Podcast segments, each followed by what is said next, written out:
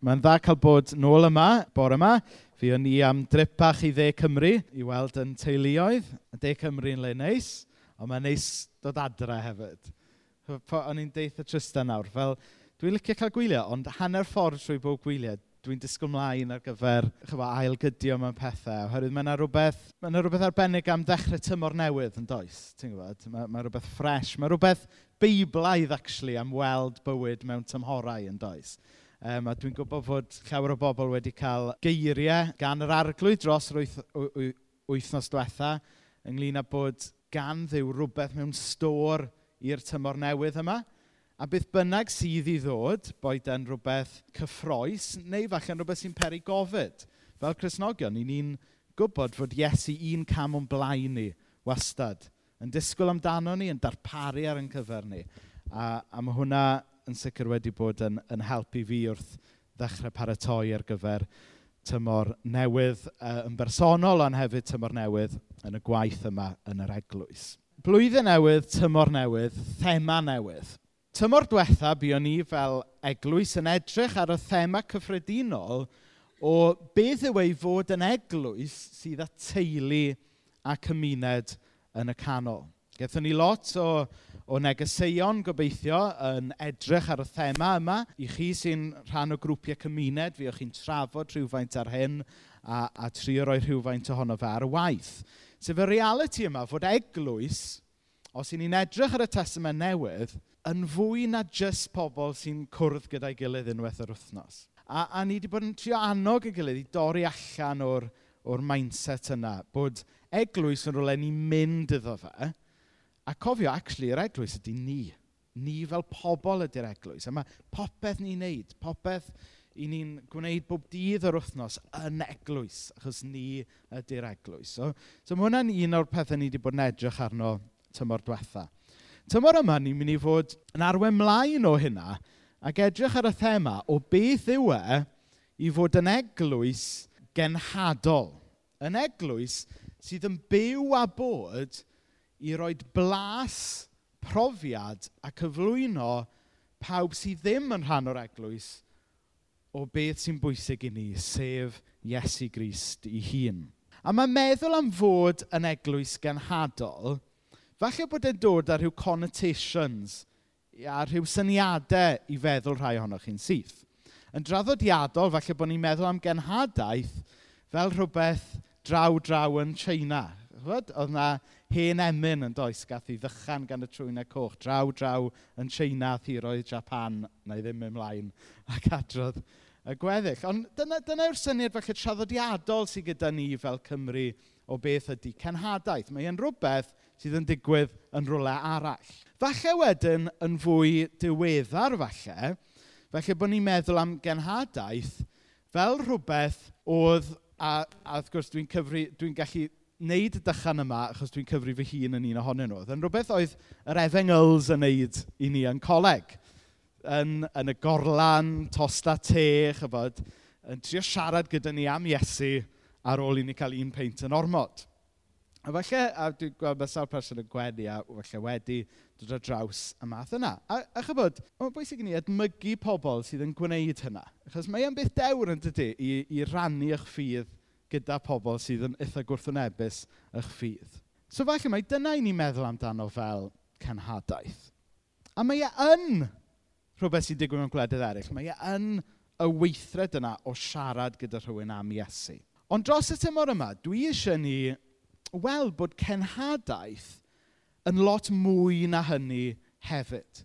Mae e ynglyn â byw allan teirnas Iesu Grist a rhoi profiad i bobl o deyrnas Iesu Grist ar bob lefel. Rhyw ddeg mlynedd yn ôl, fi oedd fe ath mena i dde Africa i ganhadledd o'r enw Cyngres Lausanne. A dwi'n gwybod fod mae yn rhyw gynhadledd sy'n digwydd pob 15 mlynedd. A dwi'n gwybod bod Dennis wedi mynd iddo fe yn 1974, na ni, yn Manila oedd y pryd hynny, efe? Neu na? Rhwle, rhwle pell draw draw yn China. Ac, um, a mae gan, a mae mudiad Lwzan, mae yn rhywidiad sydd yn helpu eglwysu jyst i feddwl yn ffres a gwrnewydd ynglyn â beth dio i fod yn eglwys genhadol. A, a mae ganddyn nhw y slogan yma, sydd sy dwi'n meddwl yn, yn helpful iawn. The whole church, taking the whole gospel to the whole world. Mae hwnna'n arbennig yn dydy. So whole church, so mae'n golygu bod pob un ohono ni, os ydyn ni'n cyfri'n hunain yn dilynwyr Iesu, mae yna rôl i bob un ohono ni yn y gwaith o rannu am Iesu. Mae e, dyw e ddim yn rhywbeth i ni jyst yn gadael i rai Cresnogion wneud. Mae pob un ohono ni a rhyw rôl i chwarae yn rhannu y newyddion da. A wedyn, the whole gospel.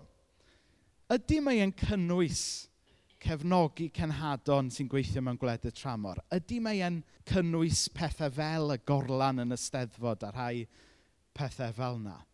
Ond mae e hefyd yn cynnwys y weithred syml o ddweud eich stori wrth rhywun. Mae e hefyd yn cynnwys bod yn Iesu, hyd yn oed pan chi ddim yn cael cyfle i ddweud am Iesu. So mewn i fyna mae pethau fel gwaith y banc bwyd yn dod mewn. Mae e hefyd yn cynnwys gweddio dros bobl, gweddio gobaith dros bobl, gweddio am iachad dros bobl. Yr efengil gyfan. A wedyn yr holl fyd. Ie, yeah, mae'n cynnwys China, ond mae hefyd yn cynnwys Carnarfon.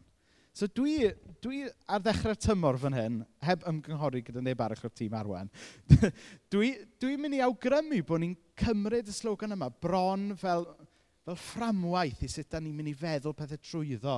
Ma, ddigon eang yn dydy i ni gyfro popeth. Yr eglwys gyfan yn cymryd yr efengil gyfan i'r byd cyfan ac yn cychwyn yma. Sut allwn ni fod yn bobl Iesu Grist? Sut allwn ni ddangos Iesu Grist i bobl tymor yma?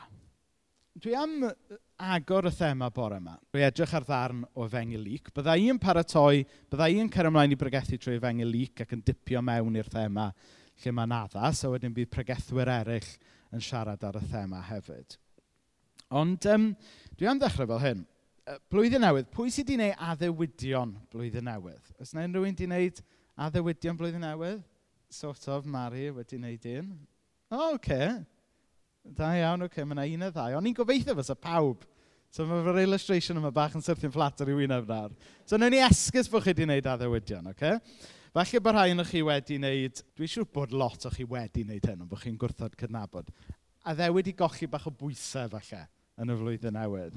Okay, dwi'n cael ambell i nod siei. Rhai pobl falle, mae'n amser o'r flwyddyn lle mae rhai pobl falle yn trio stopio smygu, trio yfed llai, gwario llai. Mae'n treulio llai o amser ar Facebook. Oes, oes yna, oes yna rai, rai pobl falle? Dwi'n meddwl bod mam angen gwerth llai amser ar Facebook. Llai amser yn stocio fi ar Facebook. Um, falle bod rhaid chi wedi neu addewid bod chi'n mynd i um, fynd am dro mwy. Dwi'n gwybod bod rhai pobl yn y cefn yn mynd, mynd i fynd i'r gym mwy yn, yn y flwyddyn newydd. Ddim bod chi angen, dwi angen, ond... Um, mae pobl yn wneud addewidion ar ddechrau blwyddyn. Ond faint ohonon ni sydd wedi wneud addewid dechrau'r blwyddyn a cyrraedd diwedd y flwyddyn a chi wedi torri fe? Chi probably wedi torri'r addewid erbyn diwedd Ionawr, heb sôn am dorri'r addewid erbyn diwedd y flwyddyn. I ni'n bobl sydd yn torri addewidion. Mae e'n rhan ohono ni, mae'n rhan o'n instinct ni. Ac os ych chi'n meddwl am y peth, mae rhywbeth crefyddol iawn am addewidion blwyddyn newydd, yn does? Rhyw fath o setio rhyw set o reolau lan, wedyn torri nhw, a wedyn jyst teimlo bach yn rybys am y peth. Felly, wneud rhyw addewid, bod chi ar dan, ie, yeah, dwi'n mynd i sticio i'r addewid yma, a wedyn chi'n cyrraedd mis chwefror, chi wedi torri'r addewid, a wedyn chi'n galed arnoch chi eich hun am y peth. Mae rhywbeth diflas iawn, rili, really, am addewidion blwyddyn newydd, yn does? Chi bron yn set yourself up to fail.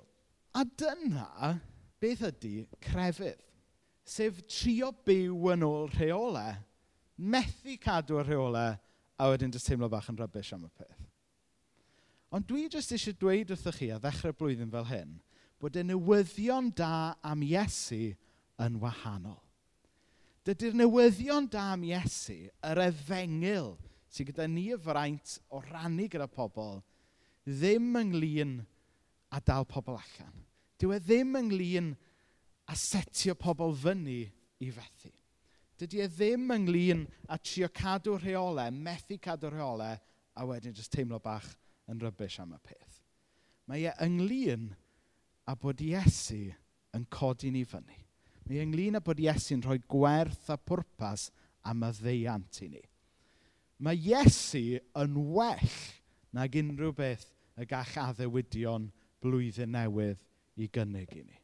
Nawr, dwi jyst eisiau darllen yr adnodau yma i chi o lyc penod 9, adnod 23 ymlaen. Yna, dywedodd wrth bawb oedd yno. Rhaid i bwy bynnag sydd am fanilyn ni stopio rhoi nhw eu hunain gyntaf. Rhaid iddyn nhw a berthu eu hunain dros eraill bob dydd a cherdded yr un llwybr am mi. Bydd y rhai sy'n ceisio cadw eu bywyd eu hunain yn colli'r bywyd go iawn, ond y rhai sy'n barod i ollwng gafael er eu bywydau er fy mwyn ni yn diogelu bywyd go iawn. Beth ydy'r pwynt o gael popeth sydd gan y byd i'w gynnig a chochi eich hunan? Pawb sydd â chywilydd ohona i, a beth dwi'n ei ddweud, bydd gen i fab y dyn gywilydd ohonyn nhw, pan fyddai'n dod yn ôl yn fy holl ysblander, sef ysblander y tad a'i angylion sanctaidd. Credwch i fi, wna i rhai ohonoch chi sy'n sefyll yma ddim arw cyn cael gweld Dyw yn teirnasu. Nawr y camgymeriad mae lot o bobl yn neud ydy meddwl fod Cresnogaeth ynglyn â cadw rheolau. A falle, ar first reading, byddwch chi'n meddwl mai dyma mae'r adnodau yma yn dweud. Dim ond i chi wneud yr hyn a llall, dim ond i chi gadw hyn a llall, byddwch chi gobeithio wedi storio fyny digon o brawni points i ddew eich derbyn chi ar ôl i chi farw. I chi'n clywed pobl yn dweud weithiau, dwi'n gobeithio mod i wedi byw bywyd digon da i gael mynd i'r nefoedd.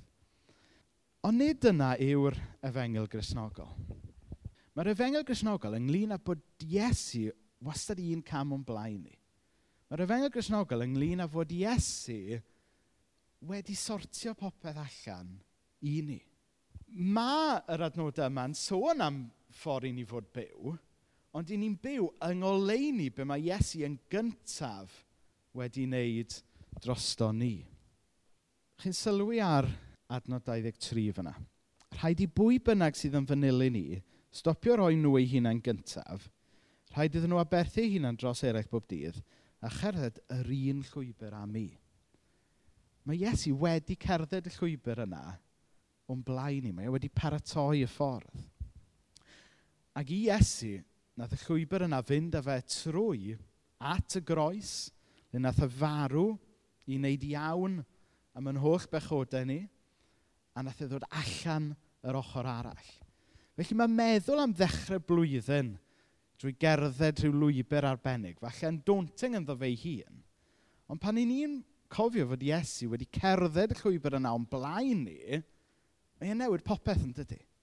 Mae e'n newid y cyfan. I ni yn cael ein galw i fyw bywyd yn dilyn Iesu, nid er mwyn ennill ffafr Iesu, ond er mwyn dilyn yr un sydd wedi caru am prynu ni i ddechrau. A mae hwnna yn newid popeth. Mae newyddion da i bobl fel chi a fi pan i ni yn baglu, pan i ni'n methu cadw a ddewidion, mae Iesu'n codi ni fyny. Pan i ni yn wan, mae Iesu yn gryf. Pan i ni falle'n teimlo'n ddiwerth, mae Iesu'n sibrwd yn yn clusni bod ni'n werthfawr yn ei olwg e. Dyma yw'r newyddion da. Mae mor bwysig i ni gael yn pen rownd hyn. Achos delwedd rhan fwyaf bobl ynglyn â'r eglwys, bod e jyst ynglyn â cadw rheolau. Mae pobl yn meddwl mai pwy ydyn ni ydy pobl sy'n licio cadw rheolau. Ond na, Cresnogion ydy pobl sy'n trystio bod Iesu yn rhoi gwerth i fywyd pob un ohono ni. A mae hyn yn newyddion da. Mae'n newyddion da fod Iesu yn rhoi bywyd go iawn i ni. Mae'n mynd ymlaen yn adnod um, 24 a 25 i ddweud fel hyn. Bydd y rhai sy'n ceisio cadw eu bywyd eu hunain yn cochi'r bywyd go iawn. Beth ydy'r pwynt o gael popeth sydd gan y byd i'w gynnig a choch, chochi eich hunain? Dwi wedi anofio sy'n siarad Cymraeg dros y doleg.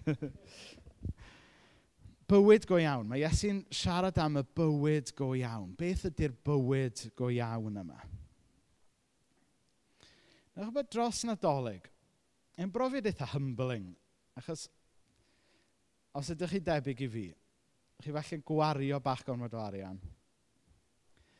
Os ydych chi'n blant, chi cael yr anreg hollol oh, amazing yma i cadog, a wedyn Boxing Day mae batteri'n rhedeg mas, a mae'r siop wedi cael, so chi'n methu prynu mwy o batteries. A mae hwnna'n rhyw, rhyw ddelwedd ydy o'r, or be mae'r byd yma'n gallu cynnig, chyfod. Mae i gyd yn flash, ond yn diwedd mae'r batteries yn rhedeg mas. A mae hwnna'n rhyw fath o delwedd o just bywyd y byd yma'n gyffredinol. Dyw gyrfa ac arian ddim yn rhoi y bywyd go iawn i chi. Dyw e ddim. Dyw prynu pethau ddim yn rhoi y bywyd go iawn i chi. Y bywyd go iawn ydy cael byw bywyd gyda'r un nath yn creu ni. Y bywyd go iawn ydy byw bywyd gyda'r un sydd yn yn caru ni beth bynnag i ni yn gwneud.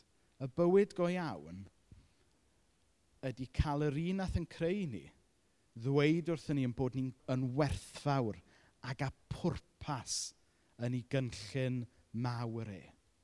Ac i ni yn gwybod fod ni'n werthfawr yng ngolwg Iesu, achos bod cariad Iesu yn gariad sydd yn gwneud neu jyst yn dweud. Pan dwi a mena yn cael ffraid, da ni'n ni, ni ffrio bryd o gilydd, oce? Okay? mae, ma pob, pob cwr a craig yn, right? Ac, a, a dwi'n dweud yma, dwi'n caru ti, a mae'n dweud, wel, dangos e te. a mae'n wir, dydy. Mae cariad go iawn yn dangos ei hun. A os ydych chi eisiau gwybod fe mae Iesu yn eich caru chi, edrychwch be mae wedi wneud dros chi. Mae e wedi marw dros chi, mae e wedi atgyfodi rhoi bywyd newydd i chi. Mae e nawr yn cynnig cerdded gyda chi drwy bywyd. Dwi jyst eisiau dweud hynna wrthych chi ar ddechrau blwyddyn fel hyn. Chos dyma yw'r newyddion da i ni'n cael y fraint o rannu gyda pawb arall. Y ddelwedd sydd gan gapel yng Nghymru yw bod ni'n bobl sydd jyst ynglyn â cadw rheolau. A mae hwnna'n ddelwedd anghywir yn tydi. A da ni yn y gwaith o dynnu lawr y cam ddelwedd yna a codi fyny y gwir newyddion da. Sef fod Iesu yn y busnes o garu maddau a rhoi gwerth i fywydau pobl. Mae gyda fi fwy o bethau wedi paratoi, ond dwi'n mynd i adle fyna, actually, bore yma. Gen i blygu pen mewn gweddi. O ddiw dad, ni'n diolch i ti am yr adnod yma sy'n dweud rhaid i bwy bynnag sydd am fanylu ni stopio rhoi nhw eu hunain gyntaf. Rhaid iddyn nhw aberthu eu hunain dros eraill pob dydd a cherdded yr un llwybr am i. A bore yma o ddiw dad, helpa ni jyst ganolbwyntio ar y ffaith bod ti wedi cerdded y llwybr o'n blaen ni. A bod y llwybr yna wedi mynd at y groes le nes di farw dros yn holl feien ni. Nes di farw dros y ffaith bod ni yn gwneud addewidion ac yn ei torri nhw. Bod ni'n trio byw bywyd mewn rhyw ffordd ac yn methu. Ond da ni'n diolch fod ti yn ddiw sydd yn codi ni oddi ar y llawr. Da ni'n diolch bod ti yn plannu gobaith nôl yn y calonau ni a ddechrau blwyddyn. I ni'n diolch bod ti yn rhoi gwerth a pwrpas i bywyd pob un ohono nhw. O ddiw dad, dwi yn cyffesu o ddiw dad. Mae wedi falle wedi teimlo'n eiddigeddus wrth glywed am yr faoedd a cyflogau mawr rhai o'n hyn ffrindiau ysgol i. Ond o ddiw dad, delia efo yr eiddigedd yn, yn yng nghalon ni – A delia hefyd gyda calonau pob un ohono ni le, le ni'n syrthio i feddwl bod bywyd go iawn yn rhywbeth y gallwn ni brynu gyda, gyda pethau, gyda arian. Helpa ni gyd i weld a ddechrau blwyddyn mae y bywyd go iawn ydy bywyd gyda ti. O ddew dad, i ni'n diolch bod ti'n caru, ni'n diolch bod ti'n rhoi gwerth arbennig i bob un ohono ni. Ni jyst mynd i gael munud tawel nawr i adael i ysbryd Duw siarad mewn i galonau pob un ohono ni. O ddiw dad, gad i ni gael yn gwefreiddio gan Iesu Grist bore yma. A gad i'r trysor arbennig yma sydd gyda ni fod yn drysor i ni'n cael baich o'i rannu gyda Cernarfon a gyda'r byd um, eleni o ddiw dad. Helpa ni fod yn bobl sydd yn rhoi blas i bobl yn cwmpas ni o Iesu. Felly bod y syniad o siarad efo pobl am Iesu yn ymbrawychu ni, ond gad i ni o leia jyst rhannu yn stori ffydd ni efo pobl yn cwmpas ni. Rho hyder i ni a rho sensitifrwydd i ni wrth i ni fod yn bobl eleni sydd yn rhannu am y bywyd go iawn gyda Iesu, gyda'r byd o'n cwmpas ni. O ddiw dad lle does dim cyfle'n codi i ddweud am Iesu, gad i ni jyst bod yn Iesu. I bobl sydd â calonau toredig, gad i ni eleni gerdded gyda pobl trwy y tor calon yna. I bobl sydd falle heb ddim byd, i ni'n gofyn i ti ddefnyddio pethau fel y banc bwyd, fel rhan o dy genhadaeth di yn y dref yma er bod ni wedi chwerthin falle yn ysgan bore yma am genhadon tramor ar, ar hen gan am draw draw yn China, ond o ddiwdad mae yna wledydd, mae yna lefydd dal yn y byd yma sydd ddim yn gwybod am enw Iesu. Ac felly gad i ni gofio, gweddio a cefnogi eglwysiau Cresnogion mewn rhannau felly o'r byd, yn arbennig mewn rhannau o'r byd, lle mae dweud eich bod chi'n perthyn i Iesu – yn aml yn gallu arwen at gael eich lladd o ddiw dad. O ddiw dad, ni'n gofyn ti fod gyda Cresnogion yn y gwledydd hynny. A ddiw dad, i ni'n gofyn i ti wneud rhywbeth newydd, rhywbeth cyffroes yn yn plith ni yn Cersalem eleni. A ni'n gofyn iddo fe ddechrau heddiw o ddiw dad. So, i ni yn dod at yn gilydd nawr ar ddechrau'r blwyddyn i fwynhau um, swper yr arglwydd gyda'n gilydd. Ma' swper yr arglwydd wedi sefydlu gan Iesu i'n atgoffa ni o beth sy'n ganolog i'n ffydd. Fod Iesu wedi marw er mwyn i ni gael byw. Fod Iesu wedi marw er mwyn i ni gael maddeiant a heddwch cydwybod. Mae'r bara yn um, arwydd o'i gorffau e, a mae'r gwyn yn arwydd o'i waed. E. A mae yna groeso i bawb gymryd y bara a'r gwyn os ydych chi'n cyfru chi'n yn ddilynwr i Iesu Grist. Os ydych chi ddim yn siŵr eto os ydych chi yn y lle iawn i wneud hynny, mae hwnna'n hollol ffain a gadwch iddo fe basio heibio. Um, ond mae yna groeso i bawb um, sy'n cyfru i hunain yn blentyn i Iesu i ymuno gyda ni yn y swper. So mae'r um, band mynd i ddod fyny nawr a chwarae uh, rhywbeth yn dawel wrth bod ni yn pasio yr um, bara a'r gwyn o gwmpas. Um, dywedodd Iesu, hwn yw fy nghorff sydd er eich mwyn chwi. Gwnewch hyn er cof amdanaf. So allwch chi fita y bara wrth i dderbyn, um, ond newn ni gadw y gwyn i yfed gyda'n gilydd.